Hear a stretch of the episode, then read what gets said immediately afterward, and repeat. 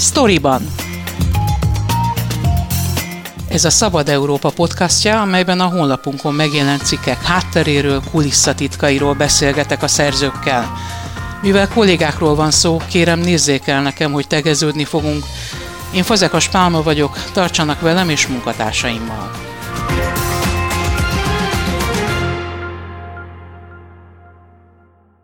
Egy év kutatómunka, interjúk sorozata, 40 megszólaló, dokumentumok pedig gyakorlatilag nincsenek, marad a nyilatkozók megszépítő emlékezete. Innen szép győzni egy oknyomozó újságírónak. Kerényi György cikk sorozata az illegális pártfinanszírozás elmúlt 30 évéről gyakorlatilag a megjelenés pillanatában a Szabad Európa toplistájának élére került.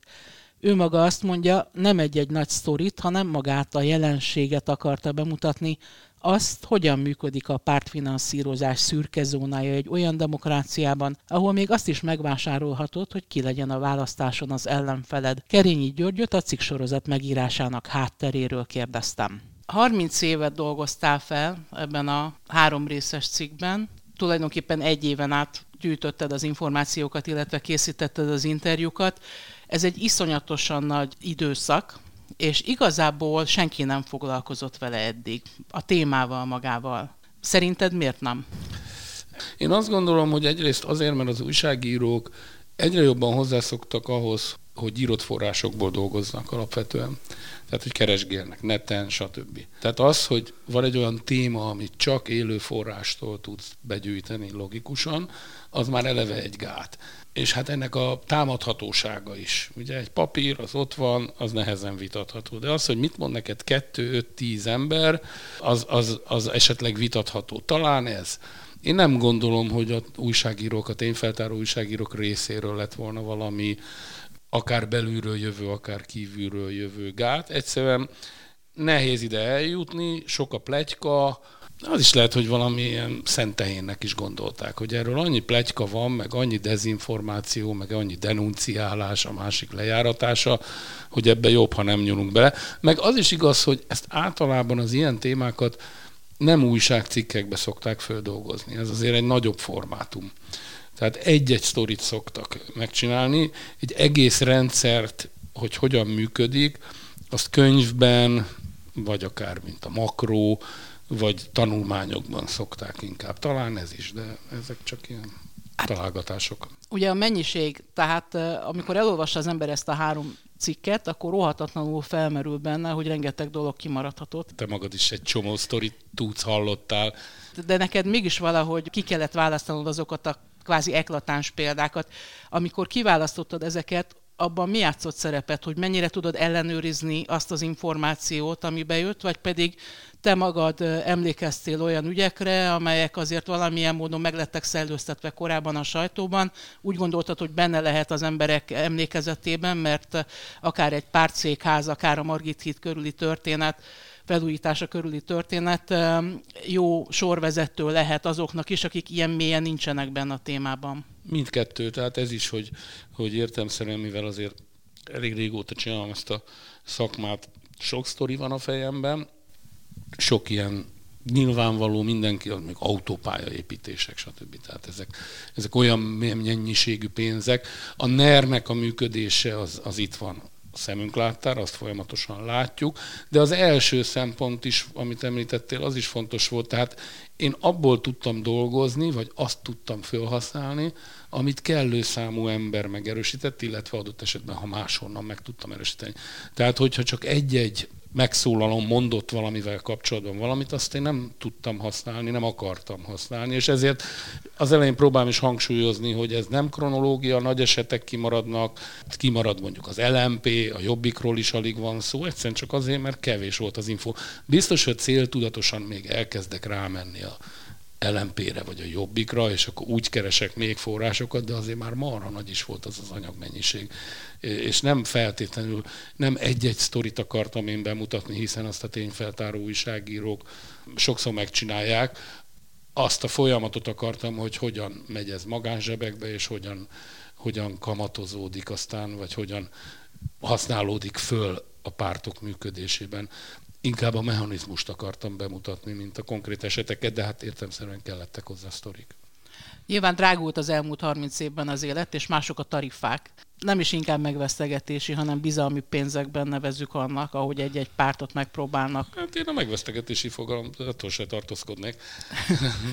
hát szívességeket vásárolnak. Hát megfizetik azt, hogy ők nyernek egy meruházást. Hát Akkor viszont itt kérdezem meg, hogy szerinted, hogyha bármiféle komolyabb vizsgálat indult volna annak idején egy-egy ügy kapcsán, akkor ott találtak volna bizonyítékot? El lehetne marasztalni bárkit azért, amit itt leírtál, vagy amit a megszólalói sejtettek?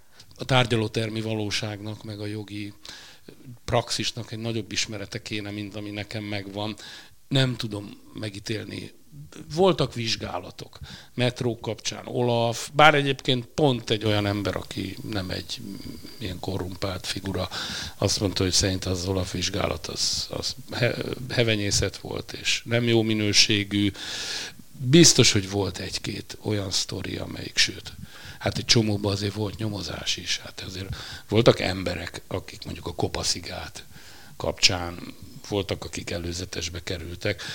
2010-ig azért nem sok ilyen volt. Igazából most így gondolkodom, hogy a Tocsik ügyben a hagyóügy volt ilyen, de hát semmilyen más. Tehát ezek az igazán... A Nokiás dobozos. Igen, igen. Ami, ami úgy tudom, hogy egy konstruált sztori volt, tehát azért ezt a képet találták ki, mert hogy azt úgy jól be tudja fogni a, Belégett dolgozó, az emberekbe, igen. De hogy valójában ilyen Nokiás doboz nem is volt. Egyébként azért nem is ítélték el a hagyót. Azért nehéz információt szerezni, mert összezárnak, ugye itt egymásra utaltság van tulajdonképpen a pártok között, ez derül ki számomra. Igen, tehát van egy kézkezet most. Így van a cikkből, és esetleg tartatattól az egyik, hogyha borít, akkor a másiknak még több kompromittáló adata van róla, vagyis hogy hallgatólagosan elfogadják ezt a helyzetet, ezeket a játékszabályokat? Azt azért nem képzelem, hogy velem szívesebben szóba álltak, mint bármely más újságíróval. Tehát azt gondolom, hogy ezt más, rajt nálam jobb újságíróknak is rengeteg ilyen infója van. Valamiért nem próbálták meg struktúráltan földolgozni ezt az egészet. Sok minden van ebben, az is benne van, hogy, hogy, hogy bizonytalan. Tehát egy kicsit olyan futóhomok az, hogy főleg a, a net most elkezdek ilyen generációs tucakba benne menni, Jézusom. Nem baj. Szóval, hogy akik már a net után lettek újságírók, vagy a netnek a mindennapi életben való folyamatos használhatósága után, azok egészen más, hogy közelítenek a témákhoz, ezt sokszor tapasztaltam már. Tehát én arra vagyok szocializálva, hogy embereket kell tudni kérdezni. Tehát, hogy még ha doksik is vannak, azokat is végeredményből embertől tudom csak megszerezni. Valahogy el kell tőle kérnem, mert nem volt egy tárhely, ahol ezt meg. Tehát azt kell mondanom, hogy jó lenne, ha idadnád. Tehát ez egy egészen más, tehát hogy számomra az a természetes, hogy információt emberektől szerzek, de ez ugyanakkor valóban kicsit futóhomokszerűbb is. Tehát megértem, hogy azok az újságírók, akik, akik a net faktumai, még most nyissunk egy zárójelet, vagy ne nyissunk zárójelet, hogy mennyire faktum minden, ami a neten van, alapján dolgoznak alapvetően, és nekik csak kiegészítő az, hogy embereket is megkérdeznek, azok valószínűleg nehezebben nyúlnak egy ilyen témához, ahol tuti, hogy nem találnak semmilyen írott doksit. Nagyon óvatosan kellett bánod azzal, hogy mennyire beazonosítható vagy nem beazonosítható valaki. 40 emberrel beszéltél, volt -e olyan, aki vállalta volna névvel ezt az interjút? Ha igen, miért döntöttél úgy, hogy nem írod le a nevét? És uh, hogyan tudtad ellenőrizni azt, amit mondanak? Tehát uh, ugye nincsenek írott bizonyítékok, ez az ügy természetéből adódóan nincsenek. Hogyan lehet ellenőrizni ezt úgy, hogy egy újságíró biztonsággal leírhassa azt, amit leír? Az első kérdésedre mindössze 40-ből mindössze kettő volt, emlékeim szerint, aki, nem három, aki, de az egyikből semmit nem tudtam használni, egyébként sok olyan volt, aki nagyon kevés hasznos információt adott. Üm, és akkor már nem akartam őket kitenni, az hülyén is nézett volna ki. Volt olyan, hogy egy konkrét vádra valaki megkérdeztem, hogy az igaz-e, az ő válaszát beírtam, de nem neveztem meg. Érdekes helyzetek is voltak, mert volt, aki névtelen ugyan, de egyes szám első személybe beszélt magáról, mint egy fundraiser.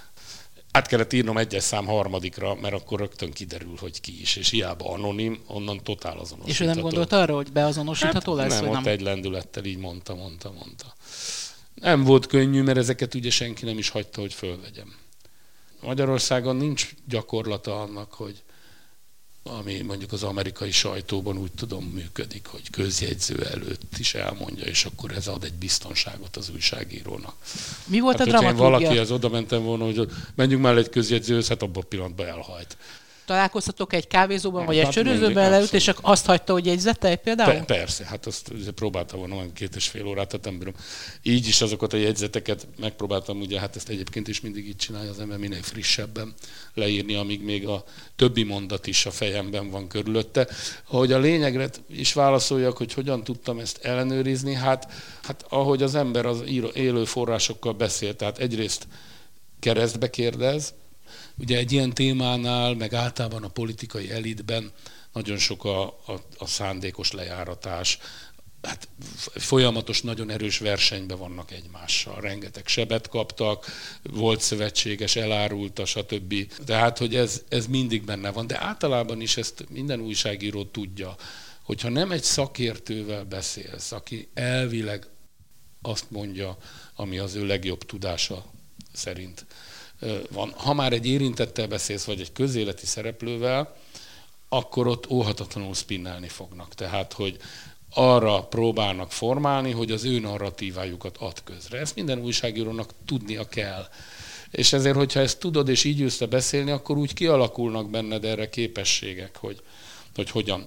Voltak olyan esetek is, amikor, amikor le tudtam ellenőrizni, hogy amit mondott, egy valami konkrétumot, az igaz volt-e úgy a neten keresztül. És akkor az, hogy az kiderült, hogy ott kamuzott, akkor ez egy kicsit az egész mondandóját megkérdőjelezte. Tehát ezeket úgy le kell tudni hámozni, az interjú közben kell, kell megpróbálni minél jobban belevinni abba, hogy minél több dolgot mondjon. De hát mondom, az az egyszerű, hogyha kellő számú ember, ahogy ezt mondani szokták, egymástól független, bár a magyar politikában azért nehéz találni két egymástól független politikust, tehát azt azért sose tudhatod, hogy most nem egy urban legendet, amit mindenki hallott a Fehérházba vagy a parlament folyosóján adsz közre, hogyha azért kellő számú politikus mondta, vagy szereplő mondott valamit, akkor azt, azt, azt lemertem írni. De nagyon sok ilyen volt, tehát mondjuk írok erről a felcsúti döntő számvevőszékről, ott három nevet is mondtam, de mivel csak az egyiket hallottam két másik szereplőtől is, pedig nagyon valószínű, hogy a másik kettő is igaz, mert ez így területeken, magasépítés, mélyépítés, vasútépítés, tehát mindegyiknek ott van a szakia. De nem írtam le a másik két nevet, mert azt csak egy embertől hallottam, csak az egyiket írtam le. Szóval, hogy hát ezeket nagyon, nagyon, nagyon óvatosan kell csinálni. De, de pont azt is akartam, hogy dobni egy követ az állóvízbe. Tehát, hogy, hogy azért a magyar újságírók, köztük mi is, már úgy értem, hogy a Szabad Európa, tehát raknak ki újabb és újabb építőkockákat arról, mondjuk, hogy a NER-ben hogyan ejtette fogjul a, a politika, vagy a kormány, vagy a kormánypárt az államot. Rengeteg bizonyíték van túlárazásokra, stb. stb. összekapcsolódásokra, de ugyanez egyébként 2010 előtt is csinálta a független sajtó, tehát nem igaz, hogy ez csak a, ugyanazok az újságírók előző kormányokkal ugyanezt megcsinálták, és valahogy ezeken az összefüggéseken és ezen a számtalan építőkockán túl akartam egy kicsit nyúlni. Tehát úgy voltam vele, hogy igen, ez egy kockázatos dolog, de ne álljunk már meg itt menjünk már egy kicsit tovább, hogy miért is van ez az egész. Most azon túl, hogy lesz belőle egy, egy liakt, egy lédi milliárd, vagy, vagy bármi, de hát hogyan csatolódik be ebbe a politikai váltógazdaságba ez a pénz? Milyen technikákon? És azt gondoltam, hogy ennyi kockázatot megér, hogy lépjünk egy, egy szinten mélyebbre. Hát sikerült bedobni a követ az állóvízbe, mert amikor megjelent a cikk első része, rögtön a legolvasottabb lett, azóta is az egyébként nálunk a... Nem, pedig rohadt hosszú a, a top listán, de látod, hogy mégis, mégis érdekli az embereket, azokat is, akik abszolút távol vannak a politikától, csak mint szavazók találkoznak pártokkal. 2010 előtt is volt ilyen, nyilván más összegekről volt szó, azért más volt egy picit a játékszabály. Hogyan változott ez, a, ez az összegszerűség, ahogy közeledtünk mondjuk a mostani évekhez? Hát szerintem az összeg, összegszerűség nem biztos, hogy érdemben változott, de ezt volt a legnehezebb megtudni pontosan, hogy most mekkora összegek forogtak. Tehát írok ott a Ferihegyi reptér privatizációja kapcsán egy két millió eurós belépési díjról. Csak hogy beléphessen a versenyző. Nem az, hogy ő nyeri majd. Tehát azért az is marha nagy összeg volt a 2000-es évek közepén. Valóban a Tocsik ügynek a 600 vagy 800 milliója az akkor sem volt akkora gigászi ügy. Tehát a, az olyan fekete pénzek, mint az olajszőkítés, hát azok már akkor sok milliárdot forgattak. De nem is a nagyságrend szerintem, a, ami, hanem ennek a szervezettsége változott érdemben, és ennek a, igen, ennek a struktúráltsága. Az egy nagyon fontos, tehát sokkal centralizáltabb a rendszer, tehát is jobban úgy tűnik, az nekem elmondottakból, hogy jobban kézben van tartva, nincsenek kilengések, illetve ha vannak, akkor azokat néha le is csapják a kezét, itt idézőjelben persze, azért egy-két ember bíróság elé kerül, még hogyha úgy tűnik elég vontatottan is. És ez... Nem kirakat perek ezek? Hát azért a mennyi ült, nem sokat, nem tudom, hogy a boldogra meg a Simonkára mi vár, Töröcskeinek most azért egy elég jelentős pak néz ki. Nem tudom, hogy ezek mennyire komolytalanok, szerintem nem, de hát ennél százszor, de százszor több van, mert azért itt végeredményben mindenütt bűncselekmény van. Tehát azért ne, ne finomítsuk a dolgot, annak dacára, hogy olyan, hogy a pártörvény megsértése, az, vagy a pártfinanszírozás az nem bűncselekmény. De ami a másik oldalon, a kibocsátó oldalon van, ahol ezeket brutálisan túrárazzák, ahol, ahol erőszakoltan kipontoznak érdemes versenyzőket, azok költségvetési csalás, stb. Tehát, hogy azért itt mindenütt bűncselekmény van, hogy nagyon centralizált, és az egy nagyon érdekes, hogy, hogy, a ne, hogy nevükre vették. Tehát most nem az van, hogy különböző kóbor cégeket beiktatnak, és akkor neki kell kifizetni. Tehát, hogy a Strabag megépít egy autópályát, de ott van egy cég, amelyiknek valami pénz megy. Aztán, hogy ott volt-e teljesítés, nem volt, azt már senki nem tudja. Két magáncég közti tranzakciót, azt elég nehéz föltérképezni. Tehát még így is a NER-ben, ahol nagyon megnehezítették a közérdekű adatokhoz való hozzáférést, hát százszor könnyebb azért a, a kibocsátó oldalt vizsgálni, mint a befogadót. Tehát az, hogy a mészáros cégbirodalomban ott milyen költségeket számolnak el, vagy a garancsiéknál, a munkához kapcsolódóan, miközben valójában azok politikai melók. Tehát, hogy nevükre vették a cégeket. Mi magunk nyerjük meg. Nem az van, hogy a nyertestől kérünk pénzt előre-utána, hanem fölé mi magunk csináljuk meg a lehető legtöbb bizniszt. Ez egy nagyon nagy különbség az eddigihez képest és hát jobban el is tudják rejteni, hogy magántőke alapokkal, offshore azért már akkor is volt, most is van, de ezek a magántőke alapok, amiből már több mint százat összeszedett a Válasz Online, ezek kiválóan alkalmasak a, végső, a magyar jogszabályok szerint, a végső tulajdonos nem vagy köteles megjelölni. Az élet minden területét behálózza, úgy tűnik, legalábbis az üzleti szférában is majdnem mindenütt megjelenik, ahol nagy pénz van tulajdonképpen. Hát ahol valahol az állam vagy annak bármely leágazása megjelenik. Tehát két tisztán piaci tranzakcióban, abban nem feltétlenül, de hát minket egyébként is inkább az kell hivatalból érdekeljen, hogy a közpénz, a mi adóforintunk vagy az uniós támogatás hova megy. Szinte felfoghatatlan, az átlagember számára felfoghatatlan összegekről van szó szerinted, de természetes az, a politika természetéből adódik, a pártpolitika természetéből adódik, hogy ez, ez, hogy ez így legyen. Az emberek ezt elfogadták, belesimultak, az üzletemberek azért, mert érvényesülni akarnak, és úgy látják, hogy nem lehet másként. Vagy lehetne ezen változtatni, lehetne átláthatóbbá tenni, hogyan lehetne érzékenyebbé tenni erre a választókat? Én azért azt gondolom, hogy nem mentsük föl a politikai és a gazdasági elitet akár a magyart, akár a Magyarországon dolgozó külföldieket a felelősség alól azzal, hogy hát ez valami ilyen nem tudom, eleve Istentől adott determinizmus, ugye nem. Ennek, ehhez kellenek olyan emberek, akik morálisan bizonytalan lábakon állnak, meggyőződésem.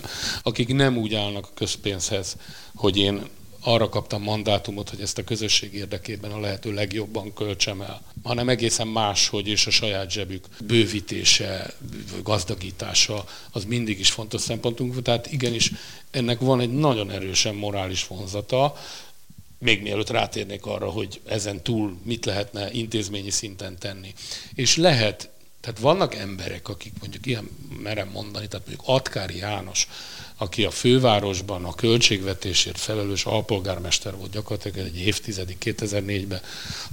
Ő legendásan tiszta kezű volt, és nem is nagyon hagyta ezt, hogy, hogy ami tudomására jutott. Voltak, amiket nem tudott meg, nem tudta meg, írok példákat, amit a feje fölött elintéztek Intéztek. a pártok. De például ő ilyen volt. Őt egyébként Tarlós István is maga mellé vette 2010 után egy-két évig ott volt tanácsadónak. Most a Pikó féle 8. kerületnél dolgozik. Tehát lehet felelős pozícióban morálisan is dolgozni. És azt gondolom, hogy a rendszerváltás körüli elit, politikai elitben szerintem több volt még az ilyen morális fék. Úgy, Mitől romlottál?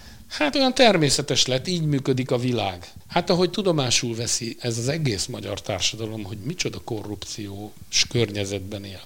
Ugye ezt a társadalomkutatók ezerszer leírják. Hát ebben élünk, ebben szocializálódtunk az öregebbek már a kádárkorban.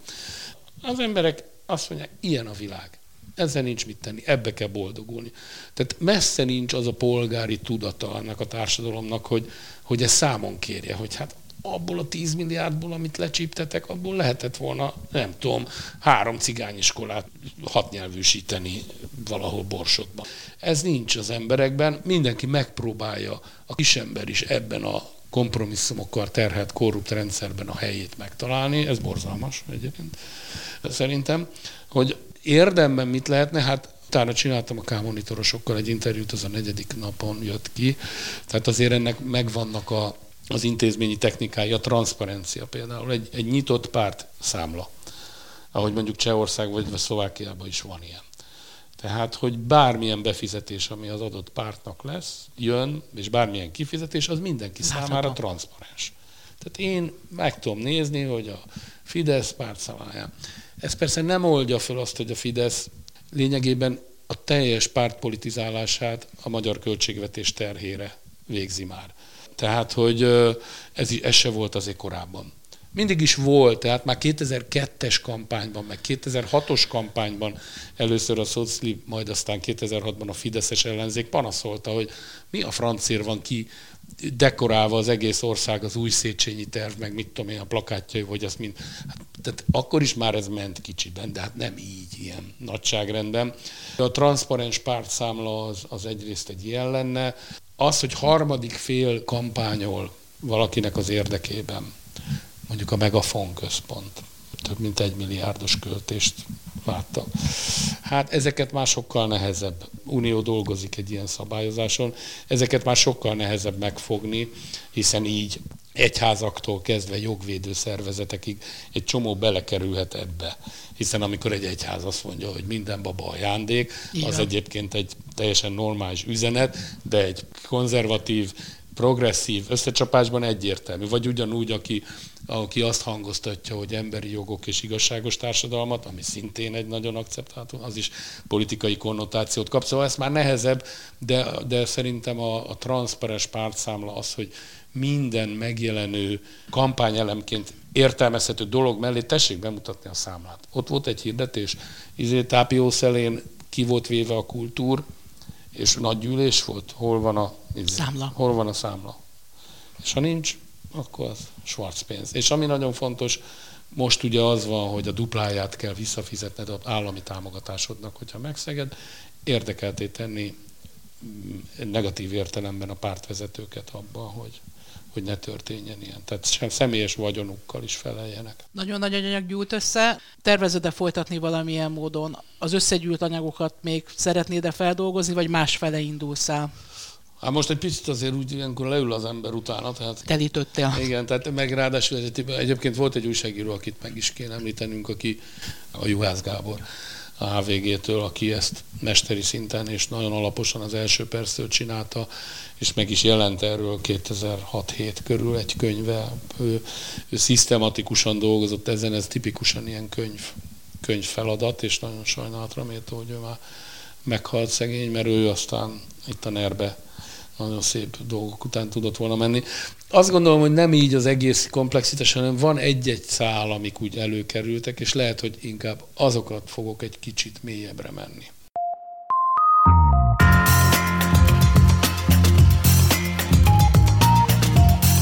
Ez volt a Storyban, a Szabad Európa podcastja, a honlapunkon megjelent cikkek hátteréről, kulisszatitkairól. Én Fazekas Pálma vagyok, köszönöm figyelmüket munkatársaim nevében is.